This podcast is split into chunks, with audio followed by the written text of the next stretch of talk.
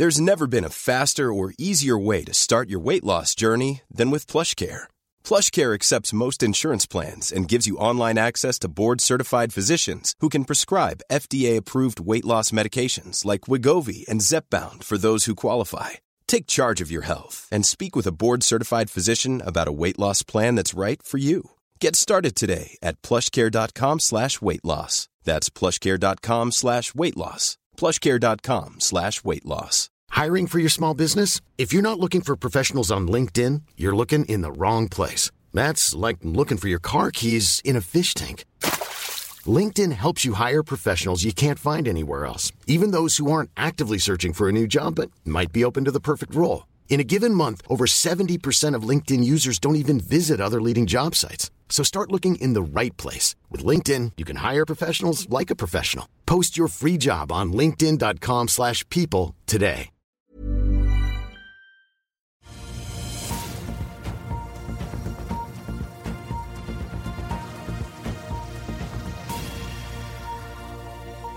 God mandagsmorgen alle sammen, og velkommen til Børsmorgen på den 28. august. Mitt navn er Marius Lorentzen, og Karl Johan er tilbake her på Smestadammen i Oslo.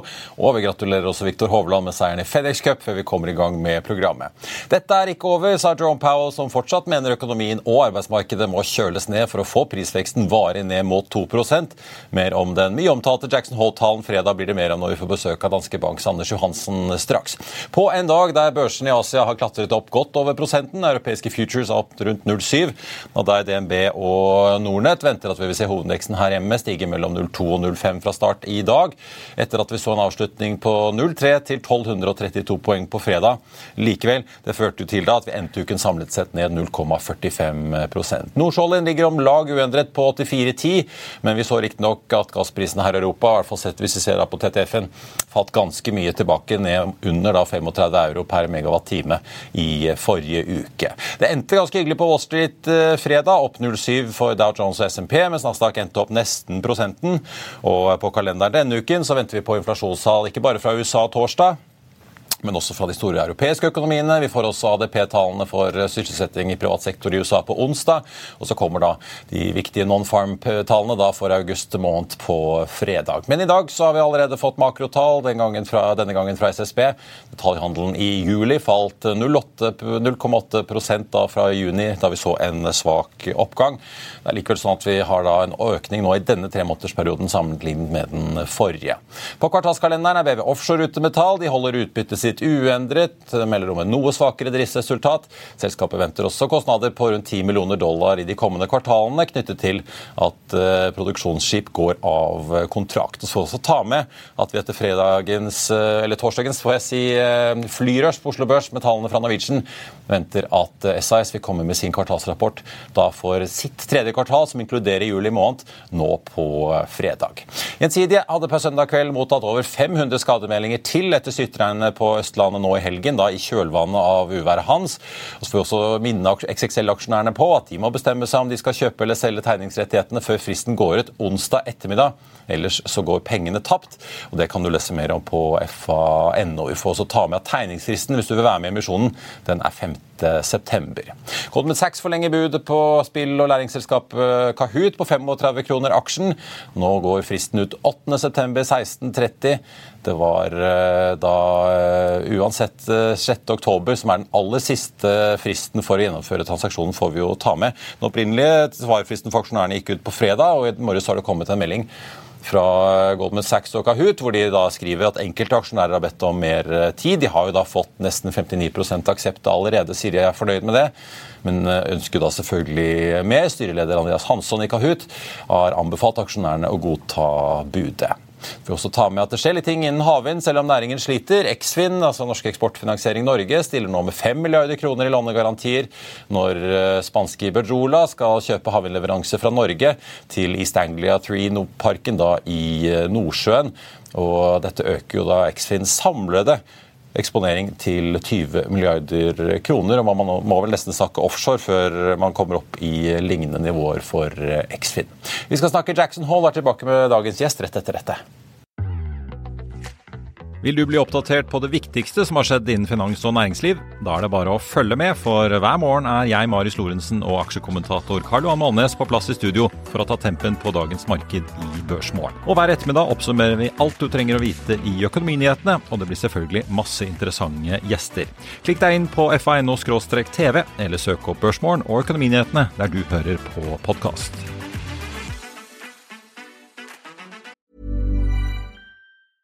Hiring for your small business? If you're not looking for professionals on LinkedIn, you're looking in the wrong place. That's like looking for your car keys in a fish tank. LinkedIn helps you hire professionals you can't find anywhere else, even those who aren't actively searching for a new job but might be open to the perfect role. In a given month, over 70% of LinkedIn users don't even visit other leading job sites. So start looking in the right place. With LinkedIn, you can hire professionals like a professional. Post your free job on linkedin.com slash people today. I'll see you in court. Vi sier det ofte litt på spøk, men for deg som driver business, er det aldri moro å innse at du ikke har laget en 100% gyldig kontrakt. Du bør ikke risikere hele firmaet ditt fordi du synes dette med kontrakter er litt stress. En avtale er ikke en avtale. Du kan miste kunder, miste venner, ja, til og med miste inntekter om du ikke lager en skikkelig kontrakt, på alt mulig, egentlig. Men vi vet det er et styr. Kopimaskiner, tregprinter og haugevis av papir. Dessuten stoler vi jo på folk her i landet. Det er ofte litt kleint å skulle be om en signatur for alt mulig, ja, for mye av styret handler også om jakten på underskriften. Det finnes en enkel måte å løse dette på, Dukkobit, en trygg, effektiv og get this, gratis måte å sikre seg en god natts søvn pluss en juridisk bindende avtale. Dukkobit-appen har de strengeste sikkerhetskrav i bunn, samt en EU-godkjent og sertifisert teknologi. Framover vil det bli behagelig å spørre du, skal vi skrive under på det, eller? Kom i gang på dukkobit.no.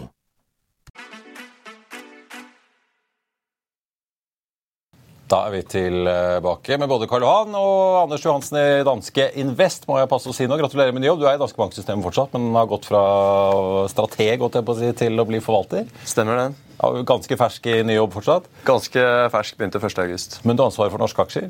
Ja, eller jeg har ikke ansvar, men jeg er en, av forvalterne på norske aksjer. Skal vi, vi, skal komme litt tilbake til norske aksjer etterpå, men dere skal vi begynne Karl Johan og Anders, med Jackson. Ble det Jackson Hole in One i år, eller eh, hvordan eh, vil dere beskrive denne sentralbanksjeftalen eh, i, de vakre, i det vakre fjellandskapet i Wyoming? Mer forsiktig, mer poetisk, og de innrømmer at de ikke helt vet hvor de er. Og, men eh, de ser at de er på riktig vei, og utelukker ikke videre renteøkninger. Selv om at det sannsynligvis ikke kommer så fort.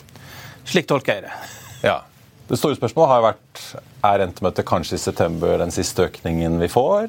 Ja, altså det, Jeg var inne og sjekket denne Chicago Mercantile Exchange. Der kan du se på futurene og sannsynlighetene. og Der er det jo faktisk sånn nå at eh, det er vippet så vidt over til at det settes opp ikke i september, men i november. Eh, så egentlig så ser det ut som det er enda litt sånn eh, mer wait and see, og så eventuelt da i november at det settes litt opp. Men det er hårfint. ikke sant? Når du bikker over 50 så, så, så er det opp. Men, men det er der det er. da, og Hvis vi går et par uker tilbake i tid, så var vi ikke på det. Da var det at eh, vi har sett toppen. Ja, og Nå ligger jo styringsrenten der borte på 5,25-5,50, så da er vi jo, vi er jo Ja, det skal jo litt til før vi kanskje ser sekstallet, da. Ja, sekstallet tror jeg skal veldig mye til. Da må du se noe, se noe at inflasjonen kommer enda mer opp igjen. Altså liksom får en ny runde. Og Det har vært det de har vært livredde for. Jeg tror de, de, er mer redde for det enn faktisk å få en litt hard landing. Ja. Liksom Å få en ny sånn runde sånn opp igjen.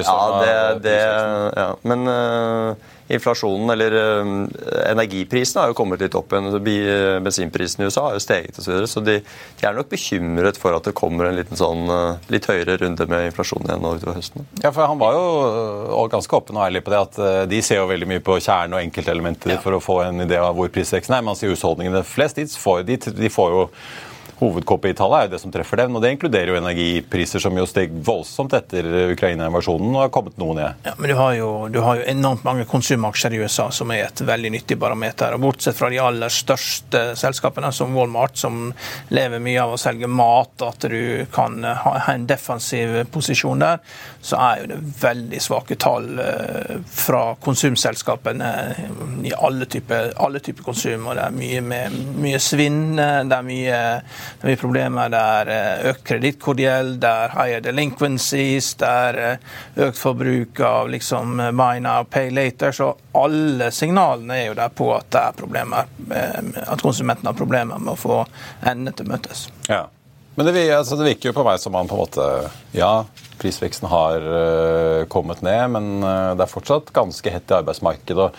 Altså, han sier jo det, som jeg sa i introen, at uh, det vil kreve, kreve liksom undertrend økonomisk vekst og et slakkere arbeidsmarked de er fortsatt eh, på vakt på tegn på at det ikke skjer i den graden de ventet, sier de. Så det, er, det har jo ikke blitt den kjølingen som de åpenbart har gått og ventet på. Nei, at, som man egentlig varslet litt i fjor. Ja, at at det, ikke har blitt den nedkjølingen man hadde trodd, det er det ingen tvil om. At det har tatt lengre tid, eh, det er det, det er dere ikke tvil om. Så tror jeg de er som du også nevner, mer opptatt egentlig av denne ekstremt lave arbeidsledigheten enn akkurat hva inflasjonstallet er. da. For eksempel, Hvis du ikke har noe slack i økonomien, og, og den Eh, bunner ut og begynner å akselerere igjen, uten at du har noe ledig kapasitet til å dra inn i bedriftene, så er eneste måten å få flere ansatte og lokke dem fra et annet sted. Og da kommer jo arbeids eh, eller lønnsveksten veldig fort opp igjen. Så jeg tror de har vært ganske happy egentlig den perioden hvor du har hatt uh, litt for høy inflasjon. Så kan du skjule seg bak det, for det er mye mer politisk riktig å si at inflasjonen er for høy, vi setter opp rentene, enn å si at arbeidsledigheten er for lav,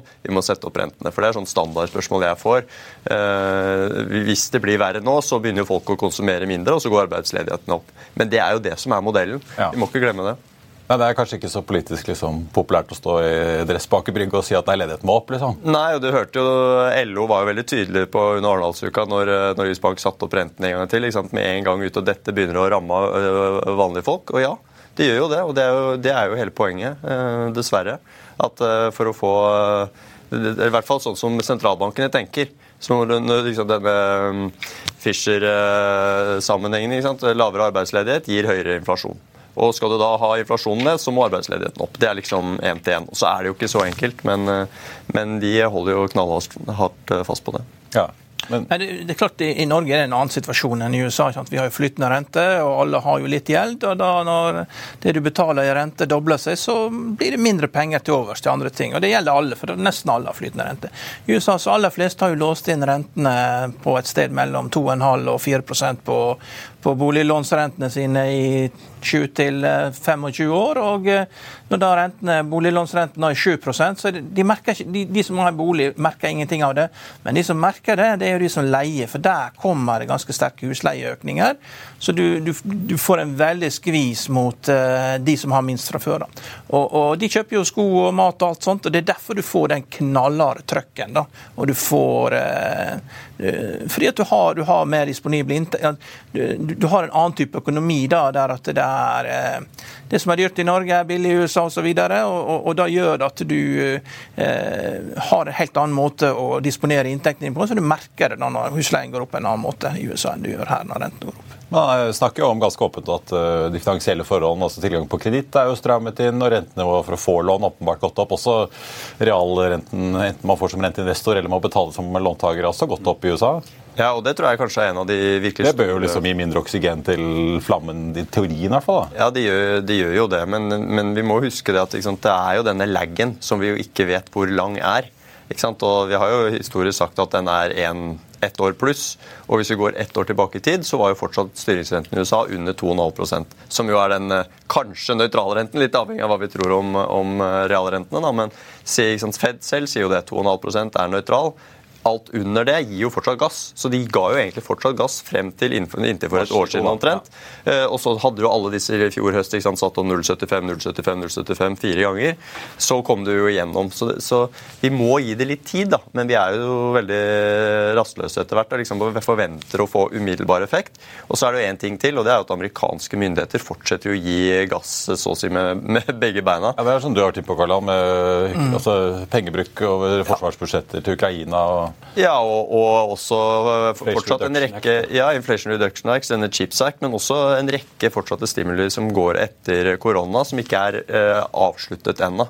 Eh, og også støtte til bedrifter som ikke sa opp folk under korona. Da har jeg hørt at det har vært en spekulasjon om at det er en del svindel, bl.a. Altså folk som får støtte som ikke burde fått det. Men likevel det går ut altså titalls milliardbeløp per måned i støtte til den type ting.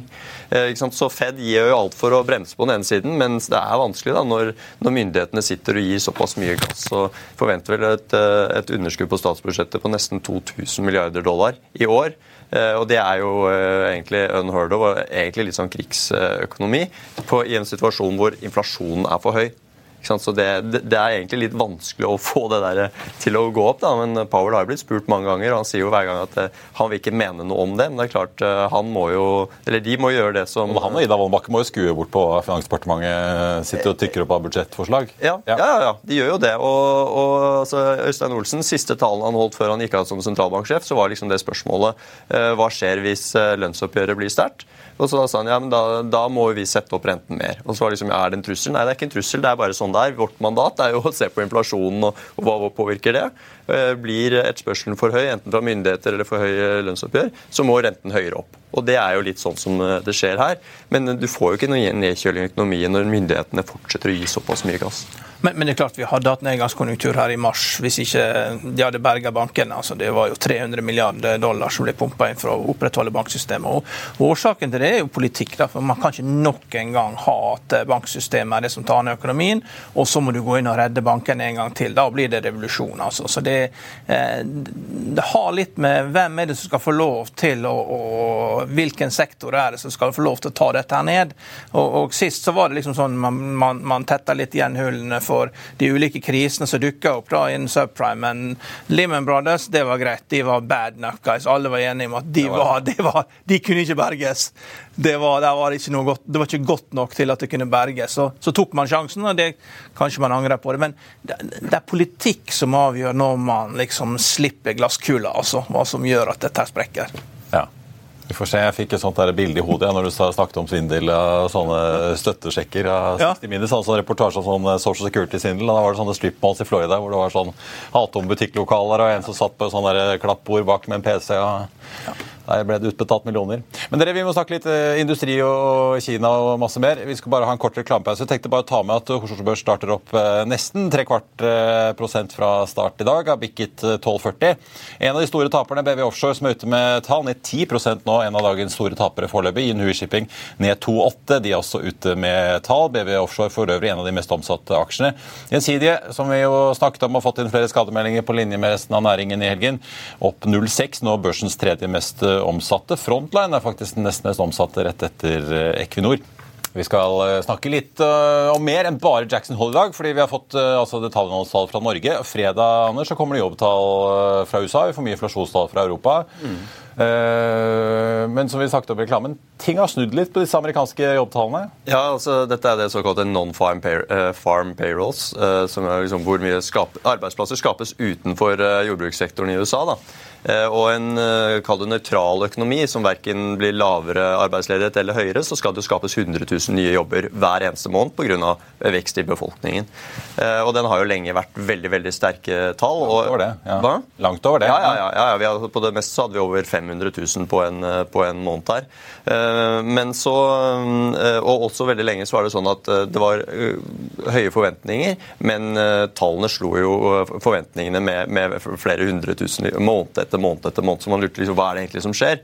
De siste to månedene så har det vært eh, omvendt. Da har vi sett at faktisk så kommer tallene inn under forventning, og man reviderer også ned da de tidligere, de to foregående månedene. For det gjør man alltid. Man ser på siste måned pluss de to foregående. Eh, og, og da har vi sett en, en, endring. Så jeg tror jo, jeg, jeg tror jo faktisk at eh, Fed gjør helt riktig å, å vente litt her nå. nå det er liksom der nå er ting er i ferd med å, å skje. De bør ikke ha så dårlig tid med å liksom sette den opp igjen siste gang for bare å snu, snu neste gang og sette den ned igjen. Vi får vel Karl både de tallene og også noen nye inflasjons-PC-tall fra USA. Det er vel torsdag, tror jeg, denne uken. Så de får jo litt mer data inn i Fed før de da bestemmer seg september, på septembermøtet. Ja, helt ja. klart. Skal vi snakke litt uh, for industri, energi og eiendom? er jo spesialsektorene du får ansvaret for i Danske Bank. Stemmer. Eiendom er jo makabre greier om dagen. Ja, så klart du var inne på Er det bare om å gjøre å finne bunnen? Eh, ja, men det det, det, er jo spennende. Altså det som du var innom i sted, det at realrenten har steget så mye. ikke sant? Altså En ting er jo når eh, For eiendom så blir jo rente, viktig, er jo rente veldig viktig. og Renten bare falt og falt og falt. og falt, og liksom, Det var jo eh, superbra. Men det man glemmer litt, er å se på disse realrentene. ikke sant? Fordi I eiendom så blir man jo kompensert veldig ofte, eh, og spesielt i næringseiendom, for høyere inflasjon. ikke sant? Du kan jo ta det i avtale, at du kan ta det en gang i året. Men når realrentene stiger, det blir det jo ikke kompensert for. Så, så sånn sett så er jo det stigende realrenter er jo det verste du kan få for, for eiendom. Og I USA nå så er det jo 30-års realrenten var jo gått opp på 2,20, tror jeg nesten. Eh, på, Rentenivået justert for inflasjon? Rentenivå, ja. ja. ikke sant? Og det som har vært helt eh, ekstraordinært, det er veldig mye som har vært ekstraordinært de siste par årene, da, men det har jo vært at de rent, lange renter har steget mye og var jo oppe i 4,30 omtrent. Men vi har nesten ikke sett noen da endring i forventet inflasjon de neste ti årene. Så det har bare vært denne realrenten som har steget. Og det gir en ekstra innstramming på alle disse sektorene som normalt har klart å da sette opp prisene pga. inflasjonen. Får, den støtten får de ikke når det er realrenten som stiger. Så det du sier da isolert sett øh, den, den, driveren som eiendom har hatt nå i hva da, ti, i hvert fall siden finanskrisen, da, kanskje litt enkelt sagt, med ja, ja. stadig fallende renter og verdier som har økt og økt og økt. Og Vi må kan egentlig... Den snur litt nå fordi at uh, du plutselig får en realrente som tygger litt hvert eneste år? Ja, og så er jo spørsmålet selvfølgelig hvor reelt er dette her. Altså, jeg, jeg, tror jo ikke at realrenten kommer, amerikanske realrenter kommer til å være over 2% de neste 30 årene. Eh, fordi Fed selv tror jo på at den kanskje skal være et sted mellom en halv og én. Så det vil bare si noe om hvor mye innstramming det egentlig er da, eh, for tiden. Men uh, hvis du bare altså, Eiendomssektoren har jo hatt medvind for fallende renter mye mer enn ti år, faktisk nesten 30 år. Eh, og Da hadde du til og med en bunn i boligmarkedet, boligmarkedet spesielt, men også egentlig eiendom generelt, eh, på begynnelsen av 90-tallet. og Siden det så har rentene falt og prisene kommet opp. da. Eh, så, men der er det jo røffere nå, spesielt verst for de som har eh, høy belåning og store refinansieringer. Ja. Veldig mange følger med på både ja, Vi har jo Entra her hjemme, som er eid av tre store svenske, eller primært eid av tre store svenske, de er børsnotert, da, men uh, tre store svenske aktører som jo er i en skvis omtrent alle sammen. Tollefsen følger jo mange med på. Mm. Ja, og Entra... Det er ikke bare de store måte, kontorbyggene i USA vi ser er ganske, det er ganske glissent eh, belegg på? Ja, der er det jo veldig glissent. Jeg tror ikke det, eller det er ikke det samme problemet på belegg i Norge. Her er det jo fortsatt stramt. Det har ikke vært bygget så mye kontor de siste årene heller, så, så, jeg tror ikke det er problemet. Men Entras problem var jo at de gikk ut og kjøpte en portefølje liksom helt på toppen. Veldig uheldig timing, da, ikke sant? uflaks med det. Eh, og skulle jo ut i markedet og hente nye penger eh, i obligasjonsmarkedet etter hvert. Eh, og, det markedet er jo så å si stengt. Eh, så de, eh, de, trenger jo mer egenkapital, fordi i eiendom er det er jo et rentespill. Eh, det sier noe om hvor mye får du inn på den ene siden i leieinntekter, og hvor mye betaler du renter på den andre siden. Og så er den spredt nesten som banker. ikke sant? Og når rentene stiger så mye, og du ikke kan sette opp leiene noe mer, så blir det et problem. Og, da spesielt da er ratingene viktig for å holde rentekostnadene nede. Og når du begynner å få problemer med ratingen, ikke sant? at egenkapitalandelen din blir for lav, så må du hente penger på et eller annet vis. Enten selge eiendom, eller du må hente ny ny, egenkapital. Og For Entras del så, så, har jo de noen store svenske eiere som du sier, som har jo også problemer med Kanskje er de OK selv, men, men de må jo eventuelt hoste opp penger da, for å fortsatt kunne være med i Entra i samme eierandel som, som man er i dag. Så det, det, er, det er ganske røft i eiendom for tiden. Ting kan skje? Store, store, ting. og Det er klart det er jo krav om sidesikkerhet der også som kommer inn. og det, Så er det mye i Sverige, mye krysseierskap. og det, ja. ja. Jeg skal ikke påberope meg å være noen ekspert på hva som kan skje der. Eh, men eh, litt, i og med at du følger industria, skal vi ta det litt. Mange av disse store norske har jo slitt i år. altså Elkem og Hydro og, Yara. Vi har sett ganske mange tall fra Kina som jo vi alltid tar med en klype salt. For det, det, er ikke alltid man kan stole helt på desimalen, virker det som. Men likevel, mange svake tall. Det virker ikke som det er noe innhenting i nærheten av det mange hadde håpet på. Nei, Kina er jo... Hva tror du om industrisektoren på Oslo Børs nå fremover? da? Liksom? Er, det, er, det, verste tatt ut når man har fått en realitetsorientering? eller? I hvert fall Hvis du tar Kina, da, så er jo ut, utfordringen med Kina er som du sier, at eh, det er jo veldig vanskelig å få noe tall man kan stole på. Det er jo litt sånn, Vi må jo se hva de gjør i større grad, og hvor stor er etterspørselen osv., enn, å, enn å høre på hva de sier. Eh, men det er egentlig fire store ting som har skjedd i Kina de siste par årene. Det ene er jo demografi. som er sånn, ikke sant, De har toppet. I fjor var det første året hvor de faktisk fall i antall innbyggere.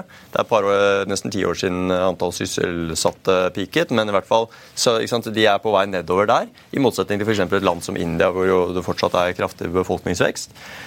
Så skal det jo gå fra et investeringsdrevet økonomi over til et forbruksdrevet økonomi. ikke sant? De holdt seg oppe helt egentlig fra, fra 2008 og finanskrisen. Så kom jo de seg gjennom det ved å investere kraftig i infrastruktur og eiendom. Eh, og det skal de jo bort fra i økende grad. Det var der disse tre røde linjene kom inn, og Evergrande og, og andre eiendomsselskaper fikk problemer. Når de liksom sa at ok, vi, nå må vi stramme til ytterligere. Vi, skal, vi, kan ikke fortsette å bygge boliger til folk som ikke trenger det. Vi, vi er nødt til å gå over til konsumdrevet. da. Og det er en kjempevanskelig transisjon. Det krever tid og, og ofte eh, er utfordrende. Eh, så er det jo denne deglobaliseringen. og så Foreign direct investments. så er en, altså Utlendinger er jo, det er jo kommet nå China pluss one. Før så hadde jo veldig mye eh, produksjon i Kina. F.eks. Apple er jo et selskap som har det. De har jo nå China pluss one. Det blir spennende å se etter hvert om det blir one pluss eh, China. Altså, liksom, du, du, er nødt til å ha produksjonen ditt et annet sted. India og ja, India, Vietnam, Vietnam Mexico ser man jo mye ja. flytting til. Altså, rett og slett fordi man, man er usikker på denne eh, handelskrigen mellom USA og eh, Kina. og man, man, vil ikke bli, bli tatt da, på å stå på feil fot eller være for avhengig hvis det eventuelt eskalerer på et eller annet eh, tidspunkt. Og så er det selvfølgelig det siste, det er jo husmarkedet, ikke sant? som, som uh, har vært en veldig veldig viktig driver. og Vi diskuterer internt og, og selvfølgelig mange andre steder ikke det, var det en boble eller ikke. Men uh, uansett så var det et sted mellom 20 og 30 av BNP som kom fra den sektoren. Eh, og det er i hvert fall veldig mye større enn veldig mange andre land. Sånn at den skal De prøver jo nå å slippe ut luften på en, på en kontrollert måte. og kanskje fordelen der da, ved å være en, et land som, som, er så tydelig, oppstyrt, er jo det at de, kan, de har helt andre verktøy i verktøykassen til å gjøre det kontrollert. Ja. De slipper høringsrunder, de slipper opposisjoner, de, de, kan gå inn og gjøre ting eh, direkte på den ene eller den andre måten. Men det, all, uansett eh, alle disse fire tingene som, som er motvind for, eh, for Kina, gjør jo at veksten blir lavere. Og, og, vi trodde at de skulle få en sånn gjenåpningseffekt. Den kom jo aldri. Og nå ser vi at uh, flere og flere tar ned forventet vekst for både i år og, og neste år. og Jeg tror bare vi må, må se at uh, Kina vokser kanskje 2-4 uh, fremover. Uh, fordi det er jo tross alt liksom, det, jo, det er jo fortsatt mye mye fattigere enn vestlige land i forhold til sånn BNP per capita. Eh, så de skal jo fortsette å vokse, men, men på en helt annen takt enn vi har sett. Da. Men altså, mange av disse litt som er på da, ja, Hydroen og alle disse som lever i denne sfæren rundt Kina og er helt avhengig av på en måte, deres appetitt på hvordan det påvirker råvareprisene, tenker dere at det er det er i hvert fall noe vi den følger... Kina-effekten er tatt ut, eller er det litt avventende til om disse industrier. Vi har jo også en del tørrlastrederier på Oslo Børs ikke sant, som også er jo avhengig av hva som skjer i Kina. Ja. Ikke nødvendigvis fordi de selger til, men, men, det påvirker prisingen i markedene de opererer. Ja, Det er i hvert fall en ting vi følger eh, ekstremt nøye med på. da, som du sier. Så, se på akkurat det. ikke sant, Hvor mye kommer inn, hvor, hvor eh, mye kommer ut. Import og eksport.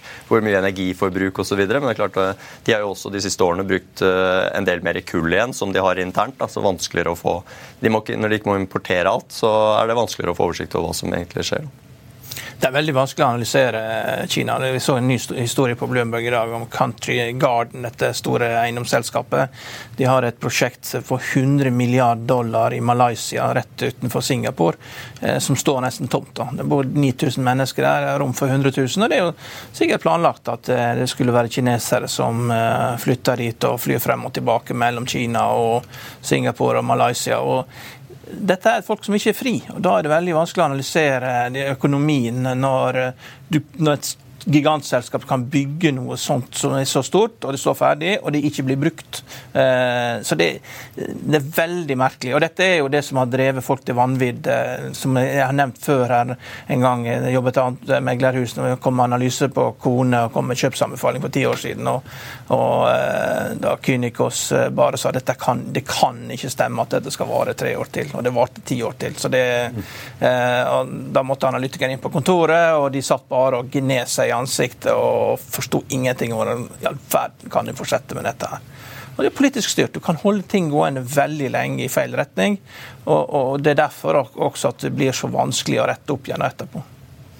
Så, men når det er sagt, da, så, det, så, de er jo store i alt som er av råvarer. Men det vi jo har sett, hvor etterspørselen har fortsatt å vokse, det er jo på oljesiden. Mm. Vi ser jo sant, at de eh, ja, nå drøye 16 millioner fat om dagen, da, eh, som er jevnt og trutt oppover. Eh, men også for oljesektoren er det jo superviktig, for de siste ti årene så har oljeetterspørselen steget sånn ca. 10 millioner fat globalt. Seks av dem kommer fra Kina.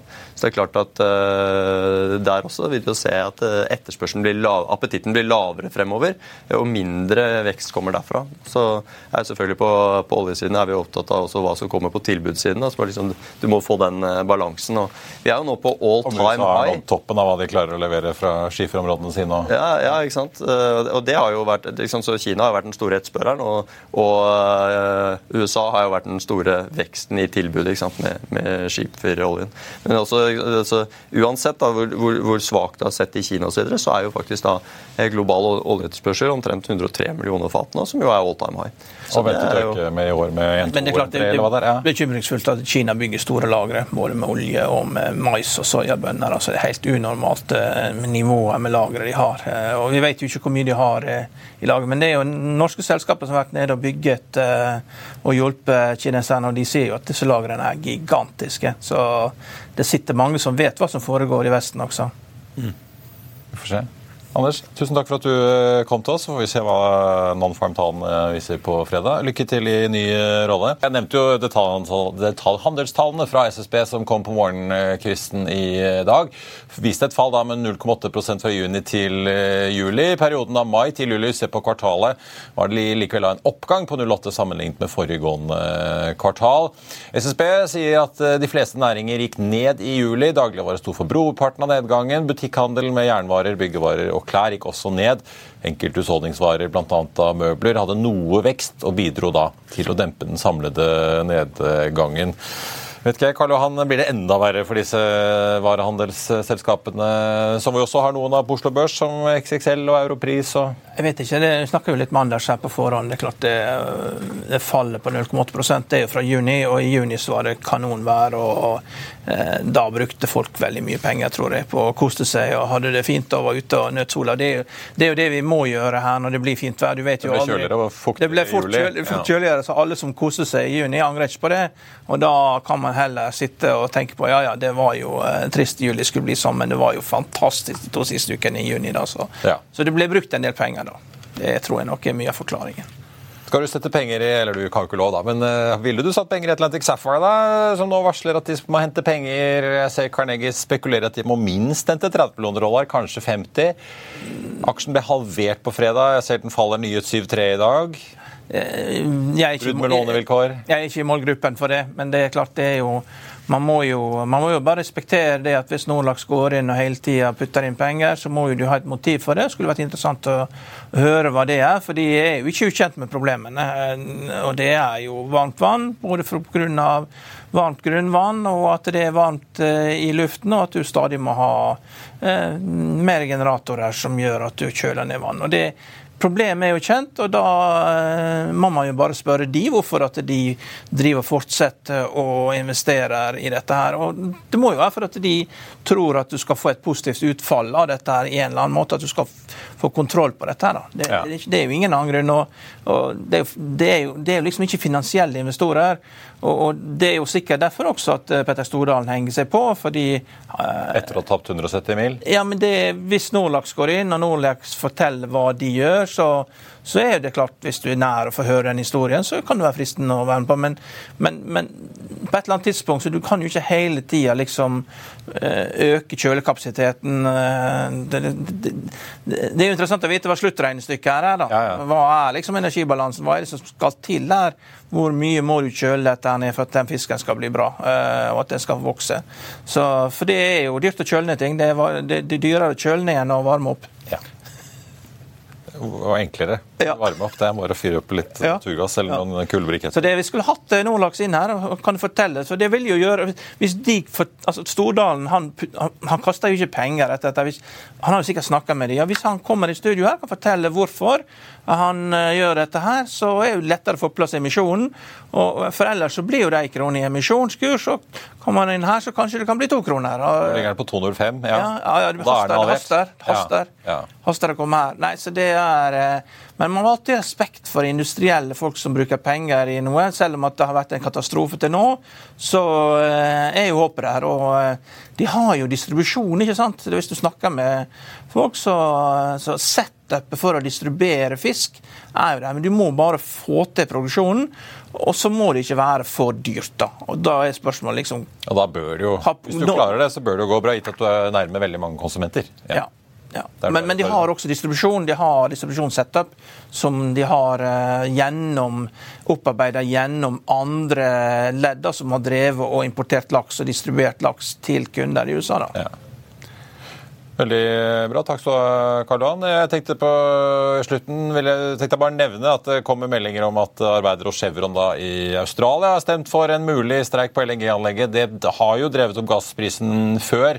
Denne streikefaren eh, har drevet opp gassprisen her i Europa. Altså. Nå ser TTF-prisen da for september opp 12 til eh, nesten 35 euro. Så får vi se hvor den lander i løpet av dagen. Eh, DNB og Pareto ute og oppjusterer produkttankrederiet Hafnia. Arctic nedjusterer litt grann kursmålene sine etter kvartalsrapporten. Den aksjen er en av de mest omsatte på børsen, stiger nå 2,5 og Hvis vi holder oss i sfæren, da, så kan vi snakke litt om oljeservice.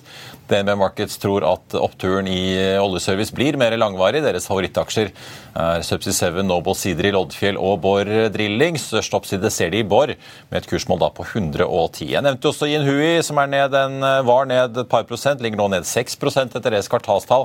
De fikk et nettoresultat på minus 6,5 millioner dollar i andre kvartal, mot et overskudd på 20,8 samme periode året eh, før.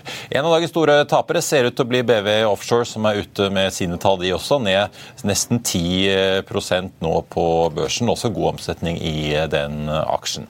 Sats ligger helt uendret i null på en ikke veldig stor omsetning foreløpig. ABG oppjusterer kursmålet med en krone der til 14. Den ligger nå på 11.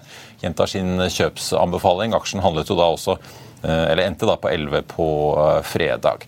Så får vi også eh, ta med at eh, Petraugen i ABG oppjusterer kursmålet på Hafnia, han også, fra 104 til 110. Gjentar sin kjøpsanbefaling. Vår Energi får vi også nevne da, Du kan jo lese på FA.no om eh, Theodor Sven Nilsen i Sparebank1 Markets sine tanker om den nye konsernsjefen som ble annonsert på tampen av forrige uke, Nick Walker, tidligere sjef i Lundin. Samtidig så mistenker Theodor at det også er dårlige nyheter på vei rett rundt hjørnet i vår, gitt sjefsbytte.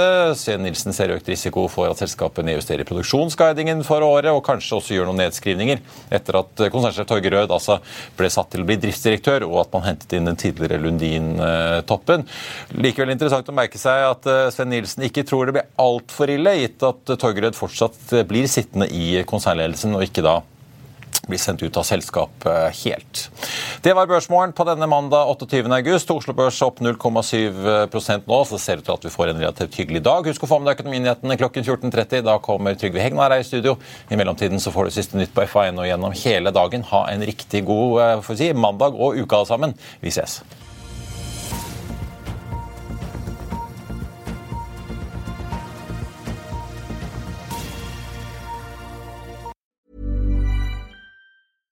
Hey, it's Paige DeSorbo from Giggly Squad. High quality fashion without the price tag. Say hello to Quince. I'm snagging high-end essentials like cozy cashmere sweaters, sleek leather jackets, fine jewelry, and so much more. With Quince being 50 to 80% less than similar brands. And they partner with factories that prioritize safe, ethical, and responsible manufacturing. I love that. Luxury quality within reach. Go to quince.com slash style to get free shipping and 365 day returns on your next order. Quince.com slash style. Økonominyhetene er en podkast fra Finansavisen. Programledere er Marius Lorentzen, Stein Ove Haugen og Benedikte Storm Bamvik. Produsenter er Lars Brenden Skram og Bashar Johar. Og ansvarlig redaktør er Trygve Hegnar.